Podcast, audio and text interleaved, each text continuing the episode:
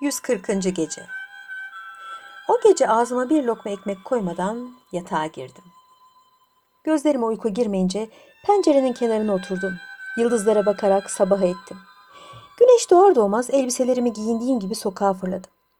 Yine o pencerenin altında durup beklemeye başladım. Çok geçmeden pencerenin açıldığını gördüm. Yüreğim yerinden kopacak gibi oldu. Güzel kadın önce başıyla beni selamladı. Sonra elinde tuttuğu küçük bir aynayı keseye koydu ve siyah saçlarını sarkıttı. Sonra pencerede bulunan saksının üzerine bir lamba koydu ve birdenbire pencereyi kapayıp çekildi. Belki biraz sonra çıkar ümidiyle bir zaman bekledim. Nihayet vaktin pek geç olduğunu anlayarak eve döndüm. Beni sabırsızlıkla bekleyen Azize'nin kolları arasına atıldım. Bana yaptığı fedakarlıkları nasıl ödeyeceğini bilmeyerek o gün kadının verdiği işaretleri anlattım ve manalarını söylemesini rica ettim. Azize, iki gözüm dedi. O kadın bugün verdiği işaretlerle şunu demek istiyor. Hava kararınca evimizin arkasındaki bahçeye gel ve nerede bir kandil bulursan orada otur, beni bekle. Dünyalar benim olmuş gibi sevindim. Geceyi iple çekmeye başladım. Amcamın kızı ise içindeki derdi gizlemeye çalışarak bana yeni bir elbise hazırladı. Giyinmeme yardım etti. Sonra Aziz dedi. Vakit yaklaştı. Bak akşam ezanı okunuyor. Çabuk git. Sana tarif ettiğim gibi yap. Yalnız sana bir öğüdüm var. Sevgilinle buluşunca ona şu beyti oku. Söyleyin Allah için seven bir genç ne yapsın? Sevgi niçin, aşk niçin, yanarsa için için. Sonra beni bağrına basarak ilave etti. İnşallah bu gece muradına erersin. Sonsuz bir heyecan içinde sokağa çıkmıştım. Her yer karanlıktı. Sevgilimin tarif ettiği bahçeye gelince etrafıma bakındım. Kimseye rast gelmeyince içeriye daldım. Bu bahçe çok güzel, süslü ve çeşit çeşit çiçeklerle, meyve ağaçlarıyla doluydu. Biraz bekledim, ilerledim. Çok geçmeden büyük bir kameriyenin altına geldim. Burada gümüş bir şamdana kalın bir mum konulup yakılmıştı. Etrafı mumun ışığı aydınlatıyordu. Onun yanında da bir sofra vardı.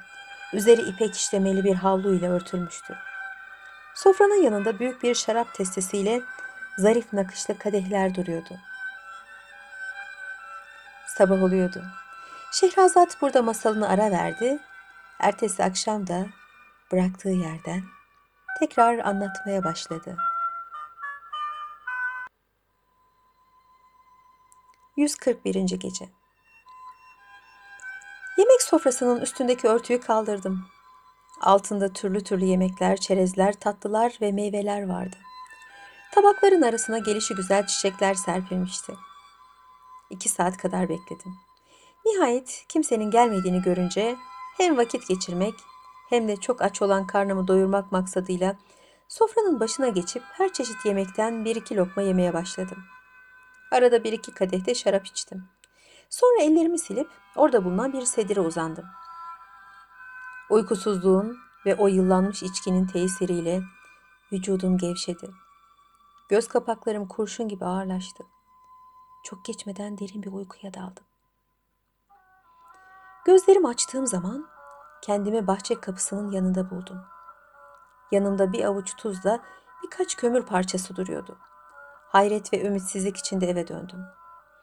Benim merak ve heyecanla bekleyen amcamın kızına başımdan geçenleri anlattım. Ağlamaktan kan çanağına dönen gözleriyle yüzüme baktı, acı acı gülerek. Ah bu ne fettan, ne fındıkçı kadın dedi. Seni çok üzüyor.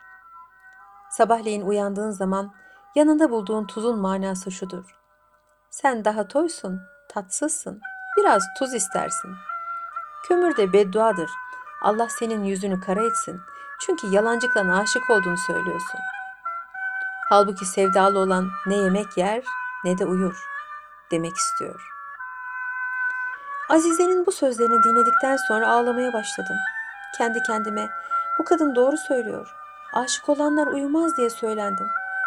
Sonra Azize'nin ellerine sarılarak amcamın kızı Allah aşkına bana bir çare öğret. Muradıma ereyim yoksa çok fena olacağım dedim. Azize beni çıldırasıya seviyordu. Bu öyle bir sevgiydi ki ona her şeyi yaptırıyordu. Onun için benim ısrarıma dayanamadı. Merak etme Aziz dedi. Sen yine bu akşam git. Fakat sakın yemek görürsen yeme, uykuya da dalma. Benim elimden bu kadar gelir. Eğer her yere gelip çıkmak adetim olsaydı çoktan aranızı bulurdum. Sevgilinle buluşursan sakın sana bellettiğim o mısraları söylemeyi unutma. Sabah oluyordu. Güzel Şehrazat burada masalını ara verdi. Ertesi akşam hükümdar Şehriyar'a şöylece yeniden anlatmaya başladı.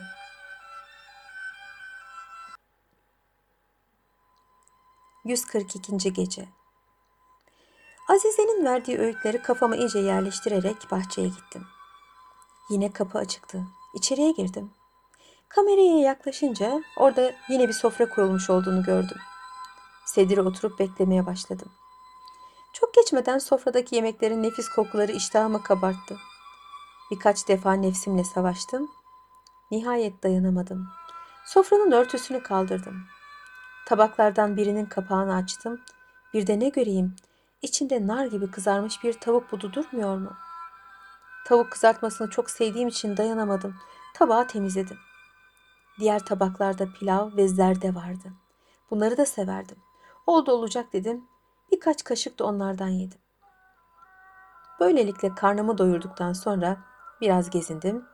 Biraz sonra yoruldum. Üzerime bir gevşeklik gelmişti.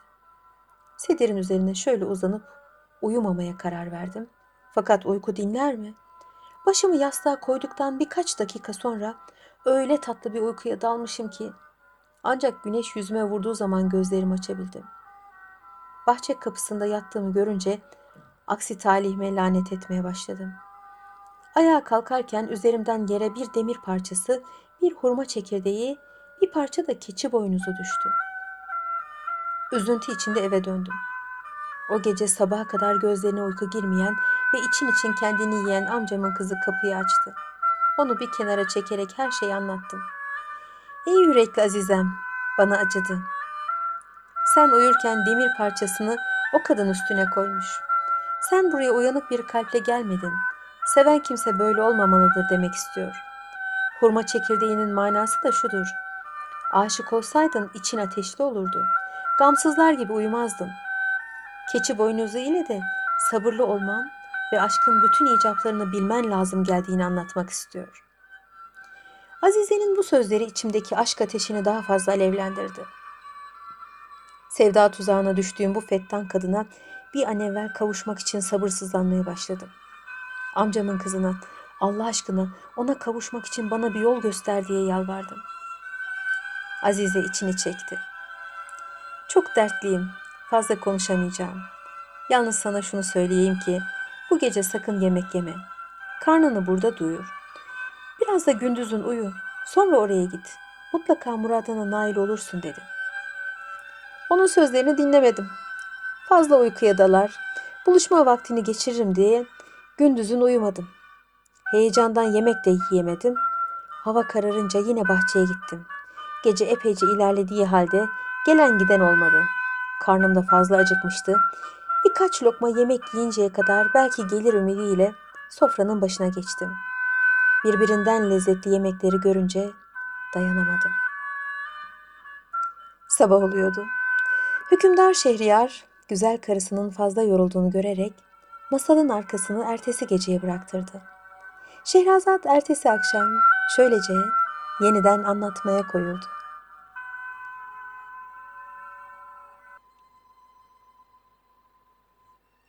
...143. Gece Şaraptan da bir kadeh doldurup içtim.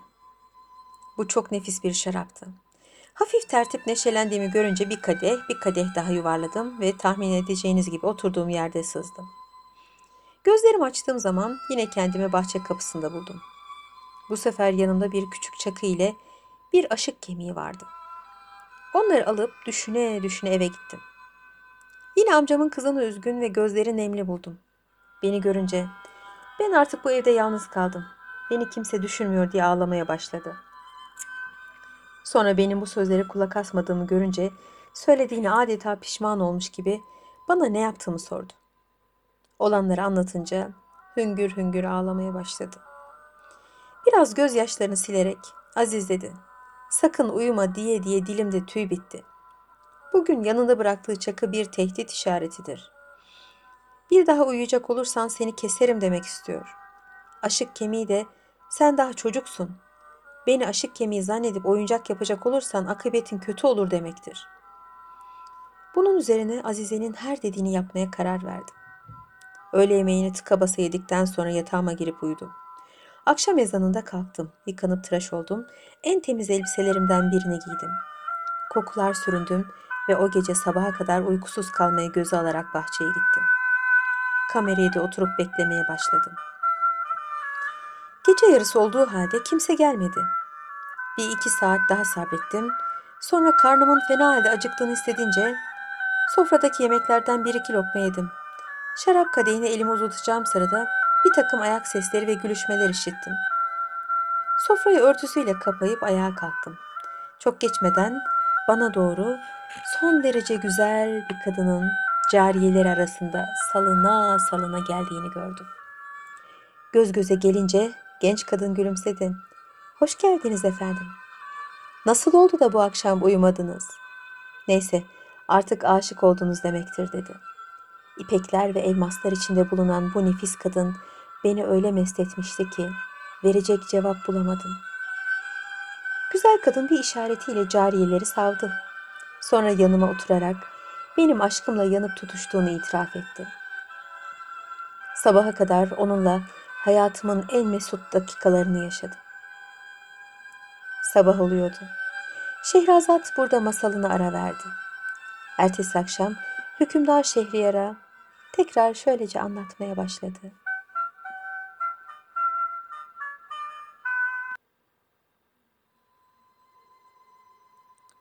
...144. Gece Güneş altın ışıklarını o güzel bahçenin ağaçları üzerine serperken...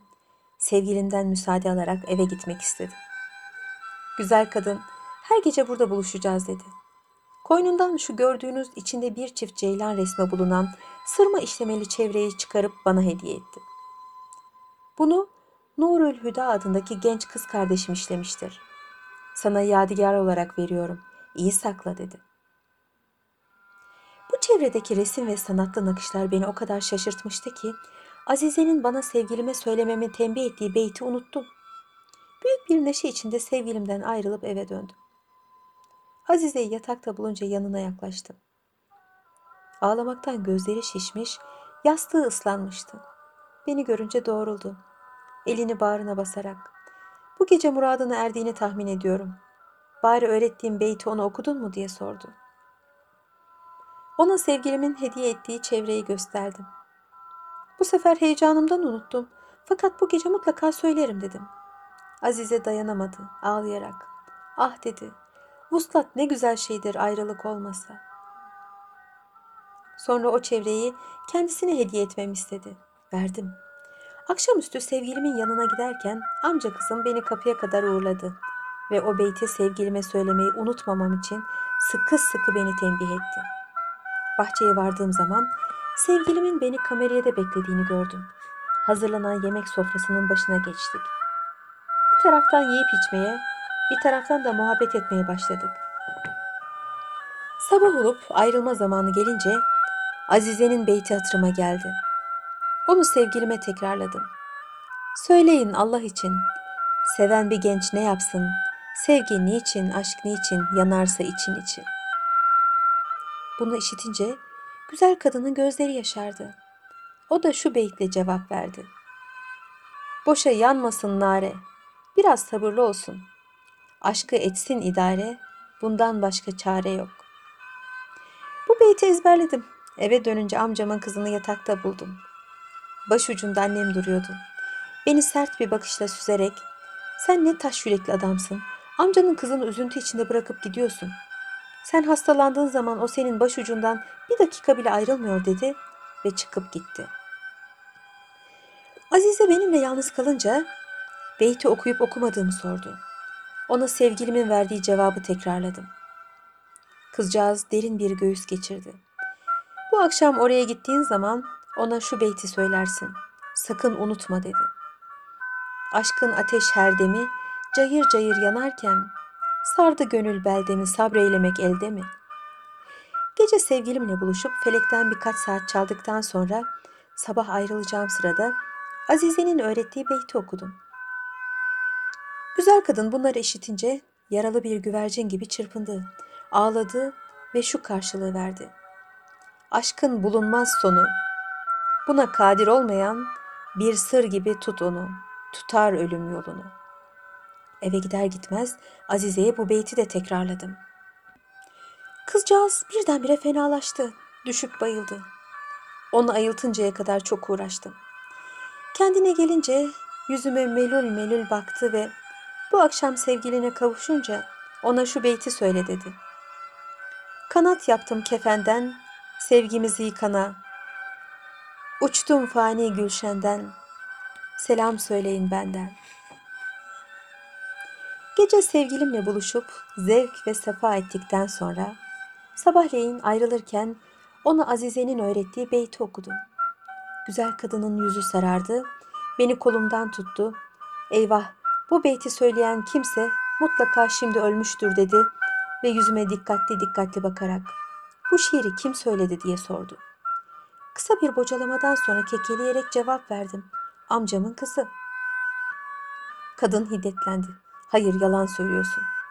Eğer amcanın kızı olsaydı onun seni sevdiği gibi sen de onu severdin. Allah kahretsin seni. Onun katili sensin. Bir nişanlın olduğunu bilseydim seninle konuşmazdım dedi. Bunun üzerine ona her şeyi açıkça anlatmaktan kendim alamadım. Evet amcamın kızı beni çılgına, çılgınca sever. Verdiğin bütün işaretleri de o halleder. Seninle buluşmak için ne yapmaklığım lazım geldiğini öğreten de odur. O almasaydı sana kavuşamazdım ki dedim. Kadın sözümü kesti. Demek aramızda olup bitenleri hep biliyor. Evet hiçbir sırrım ondan saklamam. Kadın içini çekti. Yazık oldu gençliğine dedi. Hadi git, git bak ne oldu. Sabah oluyordu. Şehrazat burada masalını ara verdi. Ertesi akşamda tekrar şöylece masalını anlatmaya koyuldu.